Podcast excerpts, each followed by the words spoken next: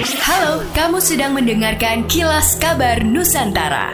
Podcast persembahan KG Radio Network menyajikan berita harian yang mengangkat keunikan dari berbagai wilayah Indonesia. Kilas Kabar Nusantara dapat juga didukung oleh pengiklan loh. Pemerintah Provinsi Sulawesi Selatan terus mendorong pengembangan dalam meningkatkan kualitas usaha mikro, kecil, dan menengah UMKM. Salah satu upayanya yakni dengan memberi fasilitas sertifikasi gratis. Selama tahun 2022 tercatat sebanyak 1.450 UMKM mendapatkan sertifikasi gratis dari pemerintah Provinsi Sulawesi Selatan melalui Dinas Koperasi dan Usaha Kecil dan Menengah UKM Sulsel.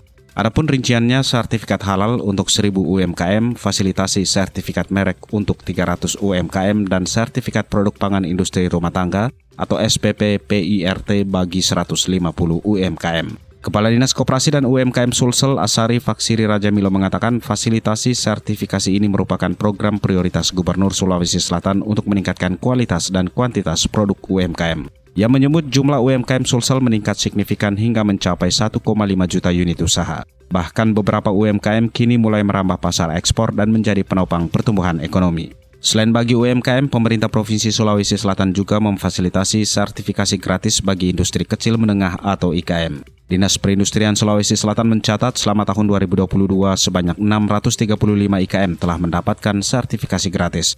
Rinciannya 585 IKM mendapat sertifikat halal dan 50 IKM mendapatkan sertifikat HKI atau paten merek.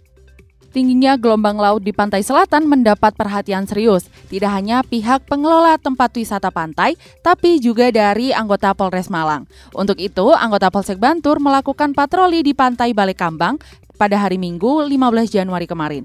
Pada kegiatan patroli tersebut, mereka melakukan dialog langsung dengan wisatawan yang mana bertujuan sebagai salah satu upaya edukasi agar wisatawan tetap menjaga keamanan dan keselamatan saat berwisata di pantai.